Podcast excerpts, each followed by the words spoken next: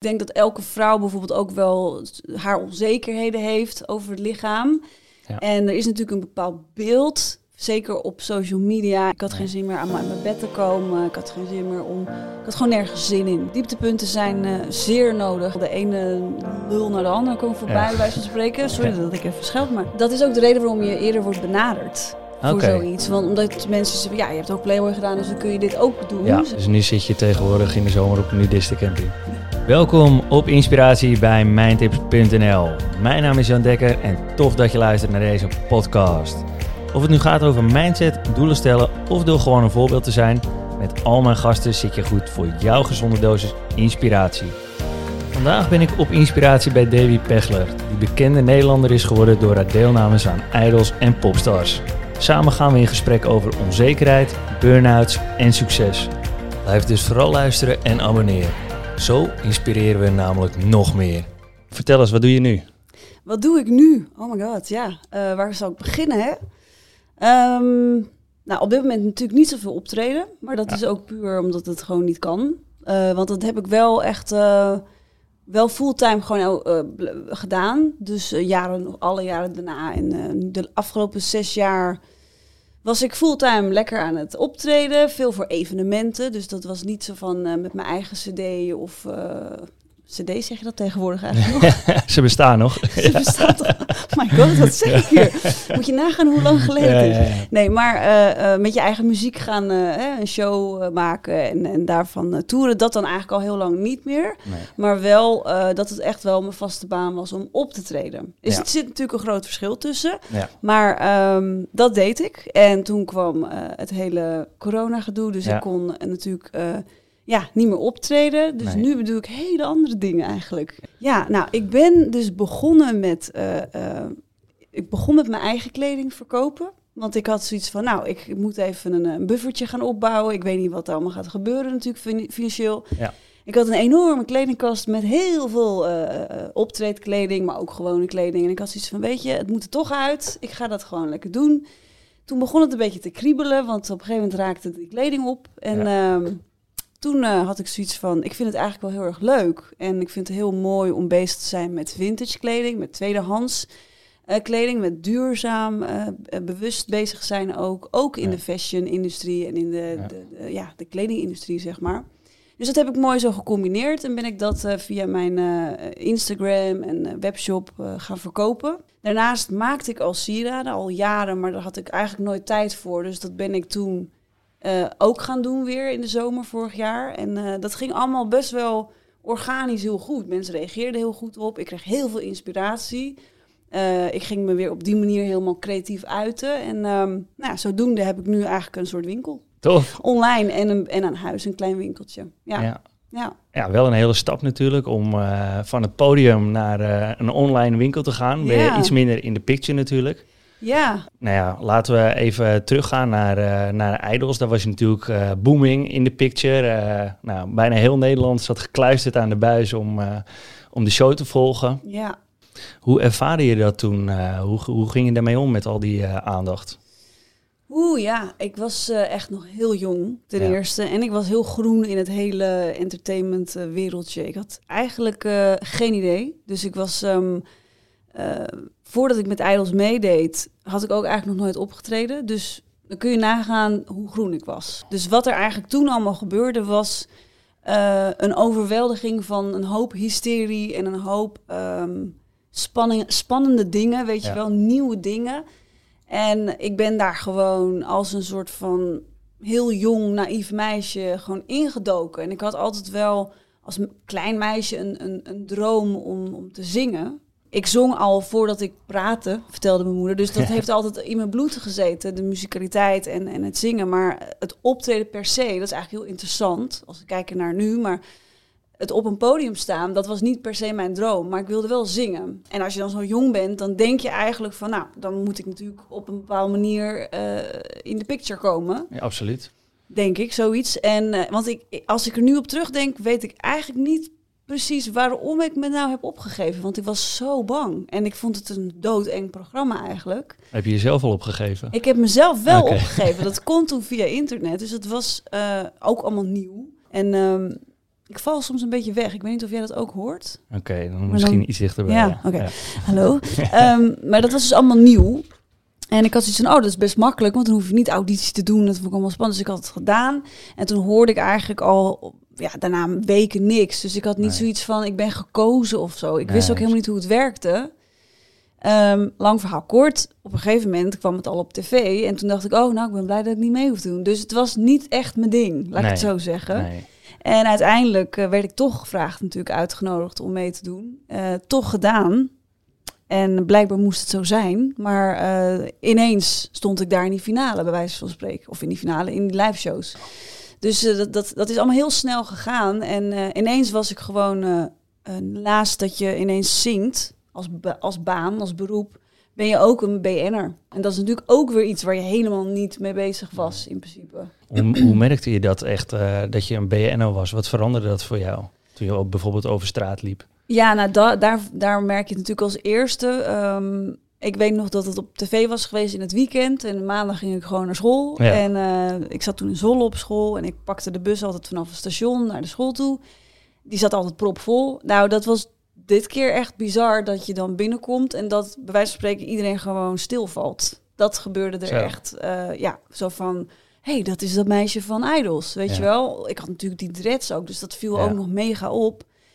En op school was het helemaal echt hysterie. Gewoon, ik kon gewoon niet normaal mijn broodje opeten in de kantine, want iedereen zat naar me te kijken. En dat, ja. ehm, dat kun je niet weten van tevoren hoe dat is. Dus als je daar eenmaal in komt, dan eh, ja, is dat best gek. Ja. Ook wel een beetje eng, want eh, ehm, ja, dat je op een podium eh, je ding doet, dat is natuurlijk ook heel spannend. Maar dat je ook gewoon in je hele doen en laten bekeken wordt, is best wel gek. Ik kon daar niet heel erg aan wennen of zo. Zeker in het begin niet. Dat ik echt dacht van, nou, doe even normaal, weet je wel. Ja. Gewoon iedereen werd heel hysterisch ervan.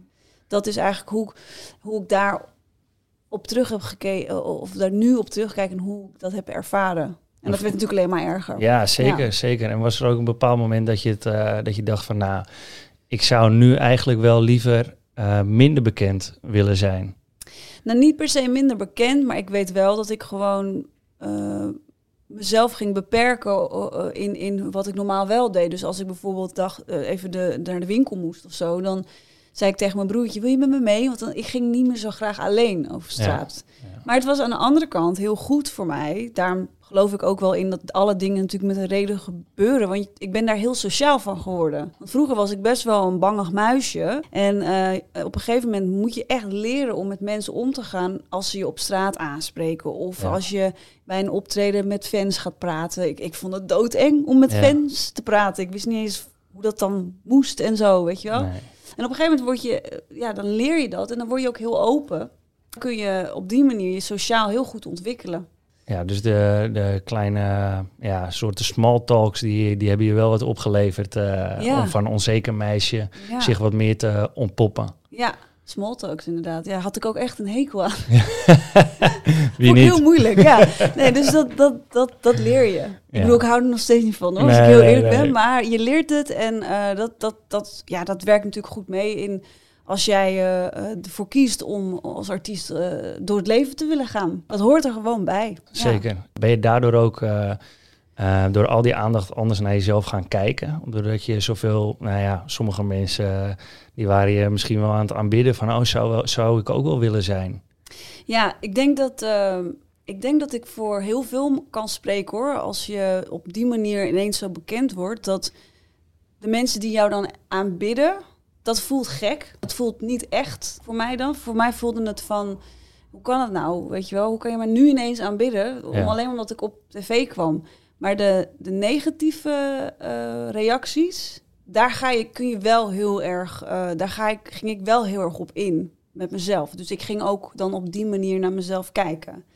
Dus ik ging heel erg in die onzekere vibe, zeg maar. Dus dat hele, dat mensen mij helemaal te gek vonden en zo, of weet ik veel. Ja, als ik nu ding, nog steeds mensen hoor praten ook over die tijd, of, of brieven lezen of zo, dan denk ik echt, hè, was, was dat echt, was dat real? Dat, hoe Ja. dan? Maar ehm, dat, dat je dan bijvoorbeeld, eh, ja, negen van de tien dingen waren positief. Ja. Eén ding lees je, toen de tijd had je allemaal polls en zo, geloof ik. En forums op internet, in, eh, in hives en weet ik veel. Maar ehm, dan lees je één negatief ding en dan ga je daarin mee. En dan ga je dus heel erg streng voor jezelf worden. En, en, en dat is. Uh, kan je nou, een voorbeeld noemen daarin uh, wat je onzeker maakte? Nou, als bijvoorbeeld een opmerking over je uiterlijk maken, of, of, of, of nog veel erger, dat het gewoon, dat het gewoon uh, echt schelden of, of beledigen wordt, zeg maar. Dat is best wel heftig. Kun je best wel, um, ja.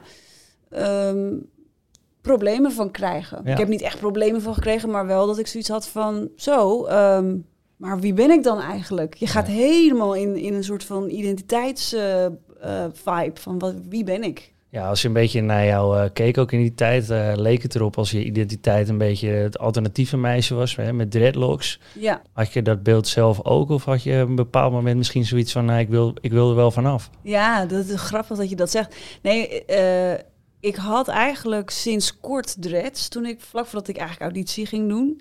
Um, mijn broertje die, uh, die was toen de tijd heel erg bezig met haar. En die is ook later ook haar hairstylist geworden. En, en of, doet nog steeds haar. Ja. Maar uh, die was altijd op mij aan het, uh, aan het experimenteren. experimenteren. Ja, ja, precies. En ik had dat. Ik was wel toen een beetje. Ik was wel in die alternatieve hoek, maar het was meer een, een, een imago wat ik toen aannam, geloof ik. Ja. En ik had geloof ik alles al gehad. Ik ben ook ja. uh, een beetje kakker geweest of een beetje R&B-achtig, geloof ik. En wat had je nog meer? Skater, ja, uh, punker. Ik heb het allemaal toen geprobeerd. Gabber ook nog? Gabber zelfs ook nog. Tenminste, ik heb wel cavello's gehad. Oké, okay, ja, wie niet in die en tijd. Gehakt en zo. Ja, ja. Gehakt ook. Mooie tijd. Mooie tijd, ja. Nee, ik heb het. Dat is heel grappig, want je bent natuurlijk jong, dus je bent heel erg op zoek naar je eigen identiteit. En ja. ik denk dat ik voor de buitenwereld er heel eigenzinnig uitzag, maar ik was daar niet wie ik nu ben. Of Nee. zo. Tuurlijk niet. Dat Nee. weet je ook helemaal niet. Nee, je was er vooral op zoek. Ik was op zoek en ik denk dat dat ik er zo uitzag was eigenlijk per toeval, maar dat viel op. En dat heeft, Ja. me toen ook, dat heeft me ook heel ver gebracht eigenlijk. Ja, want eh, als ik ook kijk om me heen, dat, dat ik eh, een gesprek met jou zou hebben, dan eh, begon eigenlijk iedereen over je haar. Ja, Dus ja leuk hè? Ja, Dat vind ik niet erg. Ja, ik zeg, die heeft ze nu niet meer, maar... Nee, eh, nee, nee. nee dat, en ik, oh ja, dat wou ik zeggen. Op een gegeven moment wilde ik er vanaf. Eh, eigenlijk vlak na, meteen na Idols al. Want ik weet nog dat ik één keer eh, eh, een live show heb gedaan zonder dreads. Ja. Had ik ze eruit gehaald. Hoe En, reageerden de mensen daarop? nou, de productie die ging helemaal uit zijn plaats. Zo van, dat kan niet. Dit is jouw imago. En ik had geen idee. Dat was natuurlijk... Weet ik veel dat je, dat, dat, een, een, dat dat een ding is in zo'n programma. Maar je Ja. wordt natuurlijk... Hè, er worden tien mensen bij wijze van spreken in die live show neergezet... die allemaal een imago hebben. Waar mensen zich ook weer mee kunnen identificeren. Precies, ja. Dus, eh, maar goed, toen, ik, toen het allemaal een beetje klaar was... toen wilde ik er eigenlijk zo snel mogelijk vanaf. Want nou, niet dat ik het niet mooi vond of zo. Ik vond het natuurlijk vond ik het leuk om, om te hebben... maar het, Ja. zat ook niet echt lekker of zo. Dus Vrij zwaar volgens mij, het is toch? vrij zwaar, ja. Dus het waren ook geen echte. Het waren dingen die erin gehangen worden. Ja, dus het ja. is echt... Mijn haar was helemaal kapot. Ja. Daarna. ja, maar goed. Nou, na Idols ben je eigenlijk best wel een eh, bekend programma nog me, heb je meegedaan aan eh, Adam eh, zoekt Eva Vips. Oh ja, dat is wel hele, hele veel later. Maar ja, eh, ja. Eh, ja, mensen kunnen je daar ook van herkennen. Wat was de reden dat je daaraan eh meedeed? Zo, ja. ehm, ja, dat is natuurlijk een hele verre sprong verder. Dus ik heb natuurlijk daarna nog wel... eh, heb ik zelfs ook nog Popstars, een heel ander eh, eh, talentenprogramma Ja, ja, gedaan. En eh, nou, dat, dat, vertel ik nu even, omdat het best wel een, een, een weg was. Omdat toen had ik zoiets van, oh, ik, ze vroegen me om daar aan mee te doen als mystery popstar. En ehm, eh, dat heb ik toen gedaan. En een heel ander imago had ik toen. Ik zag er veel vrouwelijker uit en ouder. En, en nou goed, toen ehm, eh, had ik zoiets van, ik weet nu hoe het werkt. En Ja. ik ga nu, zeg maar, eh, ehm, vanuit mijn eigen kracht, dacht ik toen de tijd, eh, eh, dit programma nu doen, zodat ik vanuit daar weer verder kan. Weet je wel, je, je maakt elke keer sprongen Ja. van, nou, hoe ga ik dit en dat. En ehm, nou, dat, dat, daar ben ik toen best wel ver ook weer gekomen. Nou, dat heeft mij toen ook weer echt gebracht. Toen heb ik nog in Playboy zelfs ook gestaan. Dus Ja. dat was nog de vooraf aan Adam Ja. Eva. Dus daarom was het misschien ook een iets makkelijkere stap om mee te Nou, doen. dat is ook de reden waarom je eerder wordt benaderd. Voor zoiets. Want omdat mensen zeggen, ja, je hebt ook Playboy gedaan, dus dan kun je dit ook doen, Ja. zeg maar. Ja, die leggen de link inderdaad. Ja. eh, ja. Ja, en ik was daar al een keer eerder voor gevraagd voor het programma. En ehm, ja, weet je, ik had toen, ik denk dat wat ik had, dat hebben heel veel mensen ook gehad. eh, of die, dat hebben andere mensen ook meteen met dat programma. Van, oh, het is een beetje plat en het is een beetje, ja. een beetje SBS of weet ik veel hoe je dat noemt. Maar ja. En dat dacht ik ook. Dus ik zei in eerste instantie van nee, dat ga ik echt niet doen. Ik ga niet daten in mijn... Wat is dit voor iets raars, weet je wel? Vooroordeeltje. Voor, ja, echt een vooroordeel. Want ehm, nou ja, het hangt natuurlijk gewoon ook vanaf wie in het programma zit. En, en Adem zoekt Eva Vips is gewoon een programma die uh, Vips uitzoeken die, ehm, ja, die allemaal een eigen verhaal hebben natuurlijk. En ehm, toen zei ze van kijk nou een keer een aflevering. Ja. Weet je wel, voordat je nu weer afwijst. En, ja. uh, nou, dus toen, en ik zat toen helemaal, ik was vrijgezel en ik was helemaal... Ja. ik was ook wel een beetje klaar mee met het daten, gewone daten. En allemaal de ene lul naar de andere komen voorbij, bij wijze van spreken. Sorry dat ik even scheld, maar nee, dat, van alles, weet je wel. Dus um, ik had zoiets van, weet je, misschien moet ik het maar gewoon doen. Ik zag dat eiland ook en ik dacht, oh my god, ik wil... Het was in de Filipijnen was dat. En uh, ja, naakt heb ik niet zo moeite mee, zeg nee. maar. Dat zie ik niet per se meteen als, uh, als, als seks of zo. Of, uh, ik heb ook de musical Hair gedaan bijvoorbeeld. En Hair, het verhaal Hair staat er ook bekend om dat je, dat je op een gegeven moment dat de, de cast naakt gaat. Om te laten zien dat ze, dat ze geen wapens dragen. Dat was hun statement. Dus het, het kan ook heel erg een hippie vibe hebben. En ik ben wel een soort van hippie in, hè, van binnen, zeg maar. Ja. Zo voel ik me wel. Dus ik had zoiets van, ik vind het wel tof om gewoon een, uh, een verhaal daaraan te verbinden.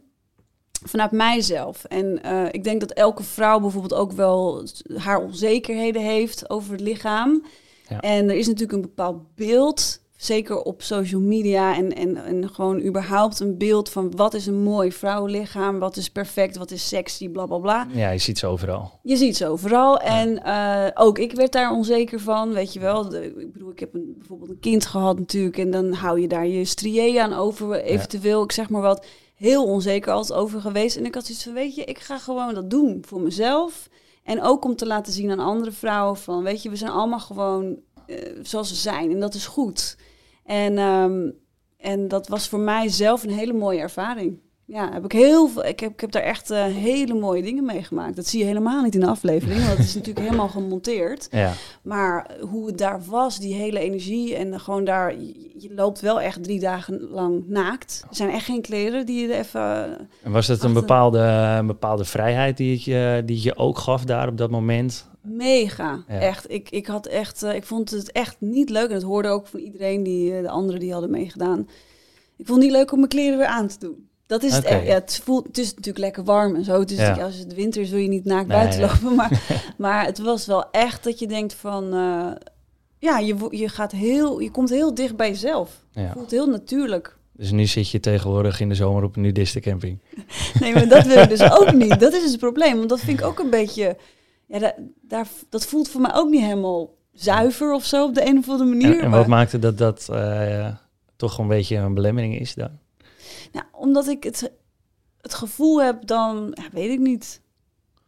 Ik hoef niet per se tussen allemaal naakte mensen te lopen of zo. Ik hoef je hoeft het niet te zien. Nee, ik hoef niet naar anderen te kijken nee, of zo. Precies. Ik, ga, ik ga prima naar de sauna hoor, dat is ook prima. Ja. Maar nee, ik weet niet. Ik heb geen moeite met naakt, maar ja, hoe zeg je dat? Nudist is weer iets anders. Ja, precies. Misschien moet ik me er beter in verdiepen, want ik weet het niet. Het geeft mij een vooroordeel misschien eigenlijk.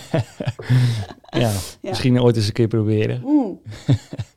you never know. You ne heb jij het wel eens geprobeerd? Nee, ik, nee. Heb, uh, ik hoef het ook niet te zien. Nee, oké, okay, nou duidelijk. ja. ja. precies. Ja. Hey, uh, je vertelde net over je kind. Ja. Op je zestiende uh, was je al zwanger. Ja. Nou, dat is natuurlijk uh, vrij bijzonder. Hoe ging je erom met, uh, met mensen die daar bijvoorbeeld een vooroordeel over hadden? Hm. Ja, nou, ik, waar ik nu woon, zeg maar, daar woonde ik vroeger ook. Dus ik ben eigenlijk weer teruggegaan naar mijn uh, roots. roots, hier ja. in Friesland.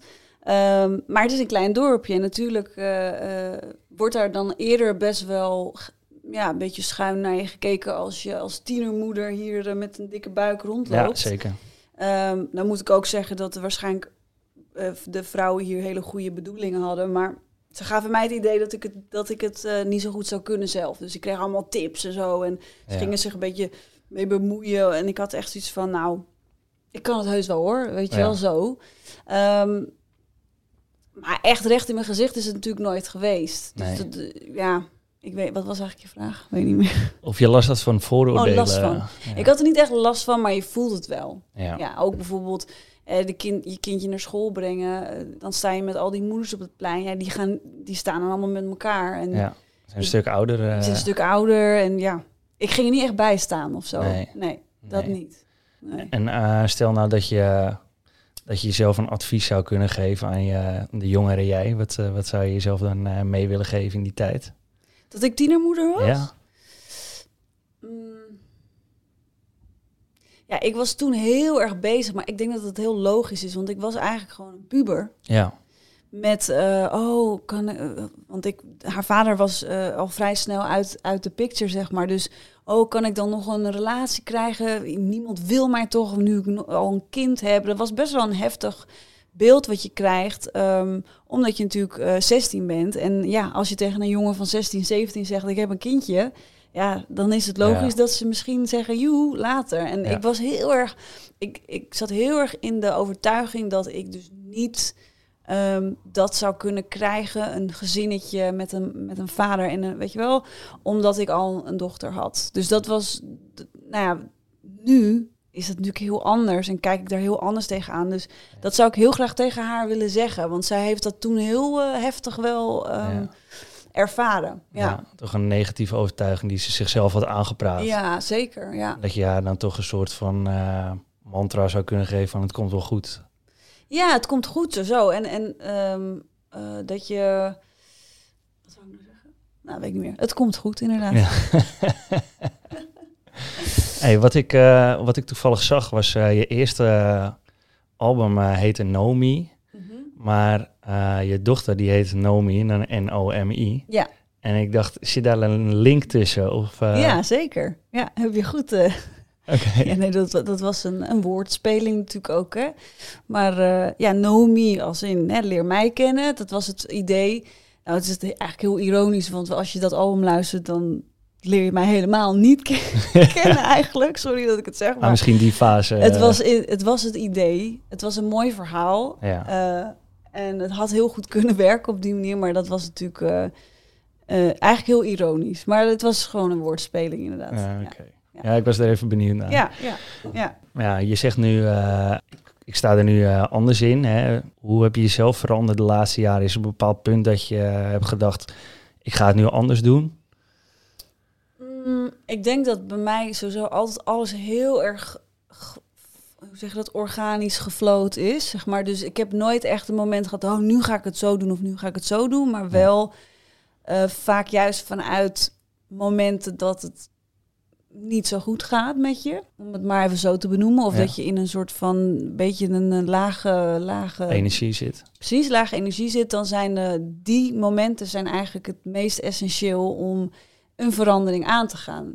Omdat je wel moet, zeg Ja. maar, bij wijze van spreken. Dus, Dus, ik eigenlijk denk, zijn ze best wel waardevol ook, de dieptepunten. absoluut. Ja, zo zie ik het ook hoor. Ja, ja. dieptepunten zijn eh, zeer nodig. Ik denk dat als iemand weinig dieptepunten meemaakt, dat hij heel erg aan de oppervlakte blijft natuurlijk. Dus Ja. ik denk dat het heel erg eh, eh, mooi is juist om... ik val toch een beetje weg. Nee, het gaat wel goed hoor. Oh, dat is mijn, Misschien mijn koptelefoon misschien. Ja. Ehm, het is heel erg nodig om die dieptepunten mee te maken. Ik heb daar ook best wel, ehm, ik heb daar ook wel bijvoorbeeld liedjes over geschreven en al dat soort dingen om, om voor mezelf, hè, Ja. niet, niet eens uitgebracht of zo, maar om, om dat ook zo te, eh, te zien Ja. zelf en, en, en dat te bevestigen in, in dat opschrijven inderdaad. En, en ja, ja. En wat ehm, waren dan eh, zo echte dieptepunten voor jou? Echte dieptepunten. Nou ja, ehm, er zijn natuurlijk altijd momenten geweest dat je, dat je liefdesverdriet hebt. Dat zijn Ja. hele goede. Ja, zeker. Dat zijn eh, hele leerzame momenten. Eh, die, dat heb ik wel vaker gehad. Dus Ja. eh, die, kan, die kan ik denk ik net niet meer op, op twee handen tellen, zeg maar, die momenten. Nee, liefdesverdriet zijn hele goede. En ehm, ook financiële dieptepunten. Dus dat je op een gegeven moment niet meer weet van hoe ga ik nou rondkomen. Ja. Heb ik ook veel gehad. Ehm, Toch zouden mensen dat niet denken als ze aan jou denken van ja, die heeft meegedaan aan Idols, die is altijd wel een beetje ergens in de picture geweest. Ja, ja, dat Die was ook niet- een reden voor. nee, ik denk dat dat eh, voor ik denk dat dat heel erg een misvatting is van mensen die denken als je op tv komt en als je vaak in de picture bent, dan heb je veel geld. Dat is dus echt totaal niet het geval. Dat is echt wel. ehm, Ehm, een steady inkopen, eh, inkopen. Inkomen. ik heb zoveel ingekocht deze dagen. Nee, eh, een steady inkomen als artiest zijnde is gewoon heel erg moeilijk. En ik denk dat je daar, dat jou, als jouw state of mind echt is van, ik geloof erin dat het goed komt en ik ga gewoon hard werken en ik ga doen eh, wat ik graag wil, dat, ehm, dan, dan, dan, dan red je het wel. Maar het is, het is niet makkelijk. Laat Nee. ik het zo zeggen. En er zijn voor, voor mij best wel vaak momenten geweest dat ik eh, nou ja, niet een steady inkomen had. Dus dan moet je steeds creatief zijn. En hoe ga ik het nu doen? En dan had ik weer een bijbaantje in een winkel. Of dan Ja. ging ik eh, coaching geven. Of dan ging ik eh, zanglessen met coaching combineren. Ehm, van alles eigenlijk. En als je nou bijvoorbeeld een bijbaantje in een winkel had, had je dan ook het gevoel dat mensen naar je keken van, hé, hey, daar staat... Nou, niet alleen het gevoel, dat werd ook echt wel gezegd, weet je wel. En dat was in het begin heel erg moeilijk, want eh, juist eh, vrij kort na Idols, dus ik moet zeggen, ik denk dat als je nu met het programma meedoet, dan kun je niet heel lang erop eh, Teren. teren. Maar ik heb denk ik twee, drie, drie jaar heel goed van kunnen leven. En, he- en, en heel veel geld verdiend en heel veel opgetreden en zo. Maar op een gegeven moment was het gewoon een beetje klaar. En Ja. dan gaat geld ook heel snel op. Ja, want je meet jezelf ook een bepaald leefpatroon Ja. aan. Ja, en je moet ervan leven. Dus Ja. je gaat het geld wat je hebt, daar ga je van leven, want er komt niks meer nieuw binnen. Ja, hoe ging je daarmee om als, eh, als eh, persoon zijnde dat je dacht van, nou, ze kijken nu heel anders naar mij. eh, ben ik nog steeds wel degene wie ik wil zijn, nu ik hier in een winkel sta? Ja, precies. Ja. Ehm, ik werd dan herkend in zo'n winkel. En, en dan, dan zeiden ze van, maar, maar je, waarom ben je dan niet meer aan het optreden of zo? Of, Ja. eh, en dan zei ik, ja, sorry, maar de- tuurlijk wel. Ik ben ook nog aan het optreden, maar ik, eh, ik kan er nog niet eh, van leven. Nee. Weet je wel, nu. Na dat Idols, op een gegeven moment was het gewoon op, zeg maar, het geld. En dan, toen zat ik echt gewoon ineens, toen had ik niemand. Want ik was gewend dat iedereen het voor mij deed. Dat mensen voor mij dachten. Ik had een management, ik had een, een platenmaatschappij, ik had een, een, een boekingsbureau, ik had een, een accountant, dat soort dingen. En hoe komt het dat dat dan ineens stopte? Nou ja, op het moment dat jij dus eh, eh, een beetje uit de picture raakt, zo gebeurt het eigenlijk. Het begint dan met, nou, een platenmaatschappij die zegt, we gaan niet meer met je verder. Ja. Contract is nu klaar. Ehm, dan een management die, die zegt, we willen eigenlijk nog twee eh, singles uitbrengen. Ehm, Een beetje zo en zo, dan ga je een beetje op een strand eh, rond eh, huppelen, leuk. En ik zo, hè, maar ik wil gewoon muziek maken. Ik wil op Ja. de lange termijn hè, werken. Nou, dat zagen zij helemaal niet zitten. Dat was helemaal niet hun insteek. Het was veel commerciëler natuurlijk. En snel. Alles moest snel. En, en nou goed. Dus ik had zoiets van, nou, dit is het ook niet. Dus dat ging ook. Dat stopte ook. Dus ineens was ik weer alleen. Dus je bent een... eh, ik was toen 19 en ik wist eigenlijk helemaal niks. Want alles werd toen ook gewoon... Ik wist niet eens wat er met mijn geld gebeurde toen de tijd. Nee. En dat is, eh, dat kan ik eigenlijk verder niemand kwalijk nemen. Ik was gewoon heel naïef. Ja. En als jij naïef bent, dan regelen andere mensen het wel voor En, jou. en wat had je nu anders gedaan met je kennis van nu?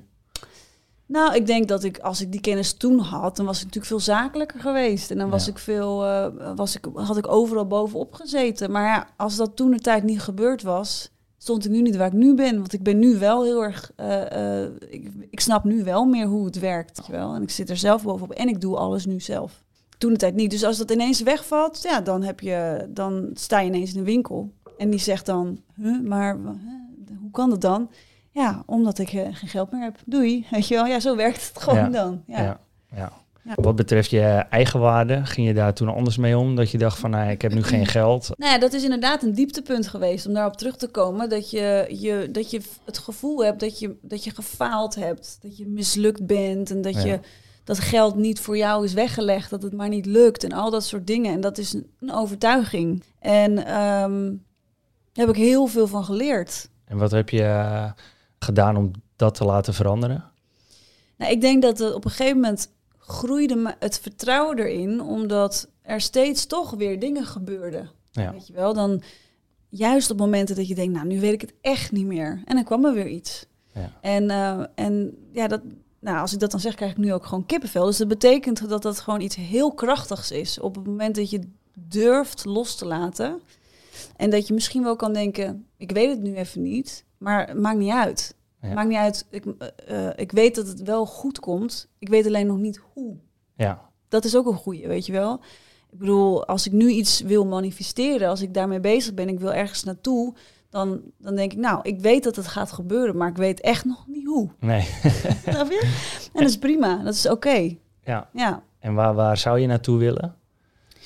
Nou, ik heb, ja, ik heb zoveel ideeën. Ik heb ook eigenlijk in de laatste jaar, en ik denk dat heel veel mensen dat in deze periode hebben, dat hoor ik echt overal omheen, zoveel inspiratie, zoveel creatieve ideeën gekregen. Naast het zingen en muziek maken, dat was natuurlijk al heel creatief, een creatieve baan. Maar eh, ja, dingen zelf maken, dingen opzetten. ehm, ik heb allerlei ideeën in mijn hoofd om een eigen lijn op te zetten qua kleding en dat soort dingen. En mijn winkel eh, eh, uit te breiden, zeg maar. Ja. Dat, dat is één ding hoor. Er zijn nog veel meer. En in de muziek bijvoorbeeld, ja, wil ik ook gewoon weer mijn eigen muziek gaan maken. Maar niet meer op de manier waarop ik eigenlijk de laatste zes jaar deed. Nee. En waarom niet op die manier? Nou, omdat eh, de laatste zes jaar heb ik heel steady opgetreden, kon ik daar gewoon van leven, maar was het echt een, eh, een evenementenjob, zeg maar. Dus je bent wel artiest en je staat met een beentje. En ik stond zelfs nog met wel hè, mijn eigen arrangementen en, en muziek zelf gecreëerd, maar wel covers. Maar het publiek is wel gewoon eh, ehm, ja, bedrijven en dat soort dingen. En dat, kan, dat kon superleuk zijn en super lieve mensen, maar het kon ook heel erg niet inspirerend en geestdodend bijna zijn om te doen. En ik wil nooit ondankbaar klinken, want ik ben heel erg blij dat ik dat heel lang heb mogen doen. Gewoon lekker optreden. Maar ik Ja. was ook echt moe. En dat geeft je eh, geen energie. En wat maakte dat je dan geen energie meer gaf? Nou, omdat ik had, ik had denk ik gemiddeld drie, vier optredens per week. Maar Ja. wel overal door het land. Of soms zelfs buitenland.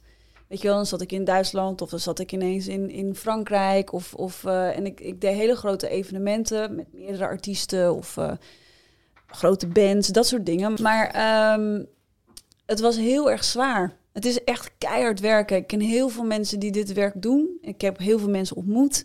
En het is, eh, het is fantastisch, want je staat op een podium en je hebt mooie kleren aan en je staat Ja. daar te shinen. Maar het is toch vaak voor bepaalde grote evenementen waarin het niet zo is dat jij nou heel erg gewaardeerd wordt. Dus het is, het is heel raar. Het is, een, het, is een hele, het is een hele dunne lijn tussen die soorten entertainmentwerelden, zeg maar. Het is wel zo dat er een, echt een verschil is, en dat is heel interessant, tussen een publiek en een artiest. Een artiest die, ehm, hoe zeg je dat, die iets wil krijgen van een, van een publiek die aanbeden wil worden, bij wijze van Ja, ja. spreken. En een publiek die iemand wil aanbidden. Dat is iets heel anders dan dat jij bijvoorbeeld in een klein theatertje, ik zeg maar wat, hè, dit is iets wat in mijn hoofd wat ik heel graag wil ooit. Gaat ook gebeuren. Maar eh, in een klein theatertje bent waarin jij jouw muziek deelt, hetgeen wat jij wil delen met iemand waarmee je mensen wil inspireren en die voelen dat, die voelen het. En dat is een, dat is eenzelfde eh, level. Dus zij aanbidden mij niet als een, een, een idool, ja, precies. maar zij voelen wat ik vertel. Ja. En dat zijn twee hele verschillende werelden. En ik heb daar eigenlijk het laatste jaar heb ik daar heel erg eh, afscheid van kunnen nemen, omdat het ook niet meer kon. Ja. Weet je wel? Dus, je, Ja. dus dat hele laatste randje van dat je ergens nog dat wil, is weg. Ik Ja. hoef niet meer op die manier. En dat is zo heerlijk. Weet je wel? En als je andere dingen ook leuk vindt om te doen, dan is het ook niet meer zo dat ik daarvan moet leven. Want Nee. ik, dat, daarom deed ik natuurlijk ook. Ik moest er echt van leven. Dus ik was elke dag aan het rijden en weg en moe. En dan kwam ik thuis en dan had ik helemaal geen rust, weet je wel. En, en ja, dat kun je niet heel lang volhouden op die manier. Nee, de balans was een beetje zoeken, hoor ik. De balans was behoorlijk zoek. Nou, hoe wil je dat gaan invullen straks in combinatie met je optredens? Zeg maar, eh, wil je dan bijvoorbeeld eh één keer in de week een eh, optreden voor klein publiek en verder met je eigen ja, winkelzaken Ja. eh, verder gaan? Nou, bijvoorbeeld. Ik, ik, zou daar ik zou daar veel gelukkiger van worden. Ehm, en één keer in de week is zelfs dan nog best wel veel. Want als Ja. jij echt je eigen, eigen show zou hebben, dat, zou, dat is natuurlijk fantastisch. Ik bedoel je eigen show, maar ik bedoel je eigen concert, zeg maar. Ja. maar eh, die combinatie voel ik veel meer. Ik ben, ik ben van mezelf best wel ondernemend. Dat heb ik nu ook wel gemerkt. Eh, dus ik hou ook van ondernemen. Ik, bedoel, Ja. ik ben niet zo van, ik ben geen keiharde zakenvrouw of zo. Maar ik vind het heel leuk om dingen op te zetten. Ja. Dus en dat heb ik vroeger ook met bandjes gedaan. En ik heb ook mijn eigen jam sessie heel lang gehad. Die kon nu helaas ook niet meer doorgaan. Maar daarmee eh, creëerde ik ook zeg maar platform voor artiesten die dan elkaar konden ontmoeten daar. En die samen konden gaan optreden, dat soort dingen. Eh, dus ik ben altijd ook een soort van onderneemtype geweest, gek genoeg. Ja. Ja. En eh, als we nou naar de balans kijken, hoe, eh, Mm. hoe, hoe creëer jij je balans in je dagelijkse leven? Heb je een bepaalde routine, dingen die je vaak doet? Nou, dat is wel interessant, want ehm, die routine nu is een beetje, eh, eh, ehm, nog, ben ik nog een beetje zoekende in. Ik ben wel echt elke dag aan het werk en mijn vriend zegt soms ook tegen mij, je moet soms ook even stoppen. En want ik, ben, ik heb dan een drive en ik heb heel veel ideeën en inspiratie. Ehm, dus die balans is heel belangrijk, juist als je thuis werkt ook. Hè, dat je dan gewoon af en toe gewoon die werktijden ook inplant. Van ik ga nu werken en nu ga ik even een boekje lezen of even niks doen. Of, Ja, dat je het belangrijker voor jezelf vindt om eh, echt me-time te creëren. ja, me-time en inderdaad gewoon leeg, even je hoofd leeg, dat soort dingen. Ehm, dat, dat in het begin van de periode eigenlijk dat, eh, dat dus die ehm, optredens wegvielen. Ik wil niet tijd de coronatijd zeggen, want Nee. dat, eh, die focus is niet mijn focus, laat ik het zo zeggen. Positieve focus. Precies, Ja. maar eh, ehm, vanaf dat begin, toen ging het eigenlijk heel lekker, want toen ging ik eigenlijk heel veel uitrusten. Ja. Dus toen was het van, nou, ik maak ruimte voor nieuwe ideeën. Nou, Ja. die zijn gekomen. Ja, Maar dan is het weer van, oké, en hoe ga ik dan nu weer die rust vinden? Want in het begin was het, nou, dan ga je 's ochtends even wandelen hier in de natuur, even mediteren, even een chinengetje deed ik dan, of weet ik wat. En dat was heerlijk.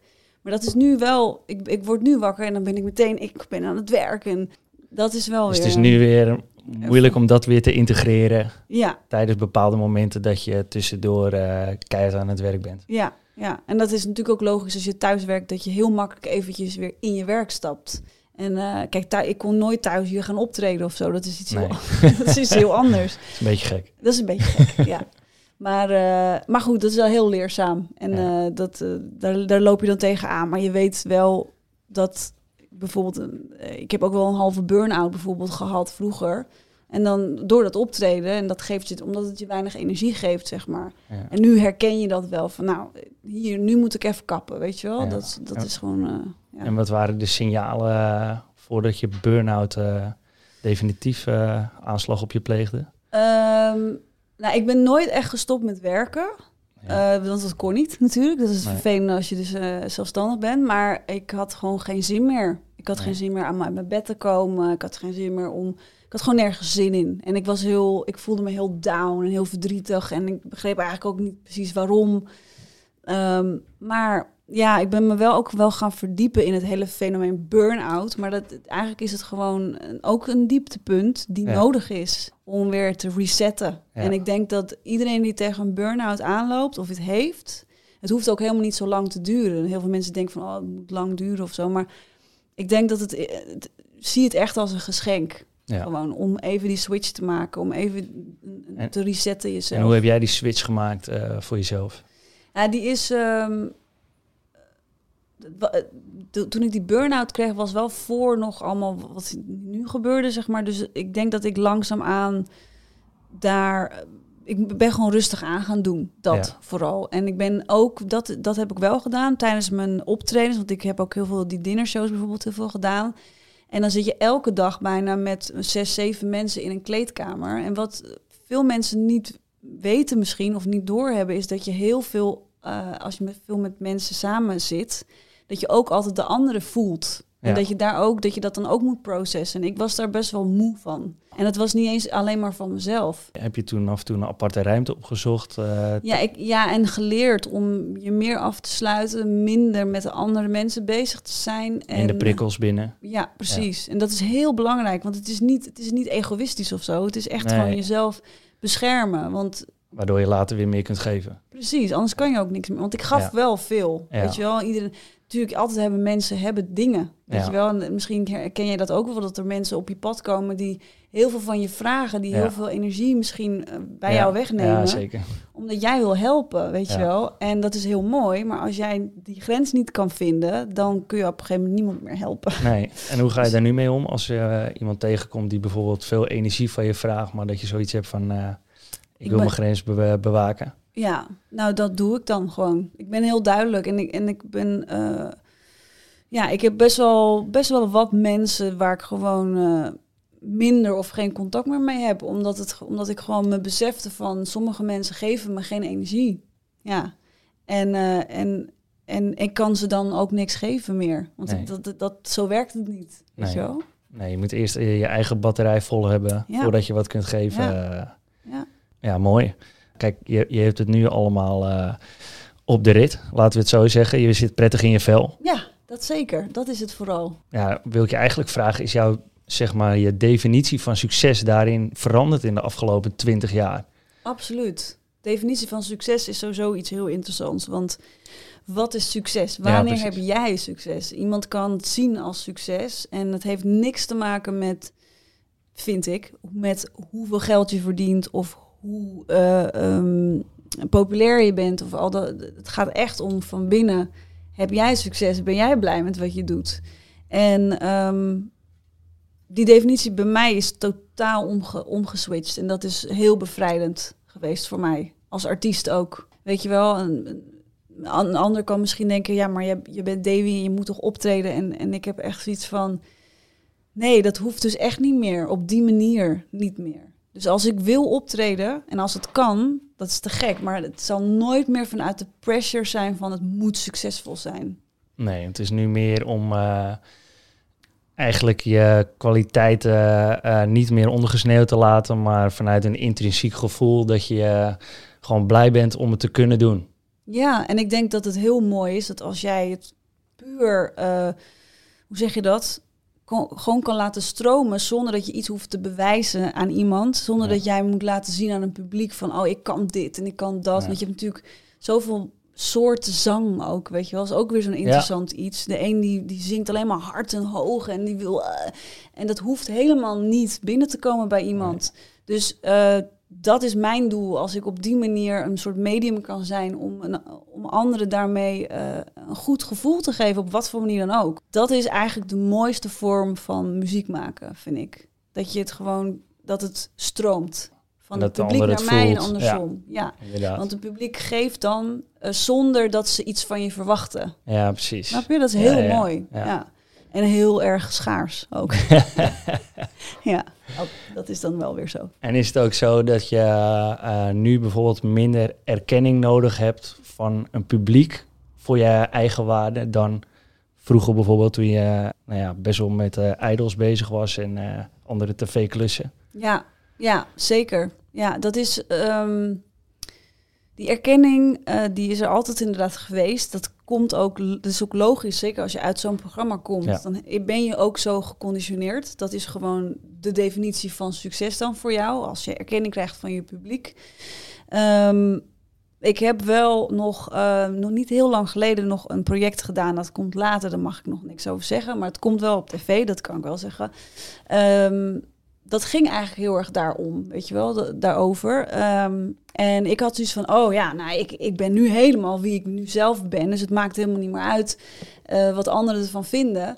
Alleen het was, ehm, dat project, dat haalde ook heel veel naar boven. Dus ik merkte toen nog alle oude, oude dingen die naar boven kwamen. Dat ik van, jeetje, en toch ga je er weer in zitten. Ja. En toch hoop je dat iemand het goed vindt. En dat, het, dat je iemand raakt ermee. En, Ja. dat, en wat is dat dan? En ik vond het heel interessant en het was heel intens.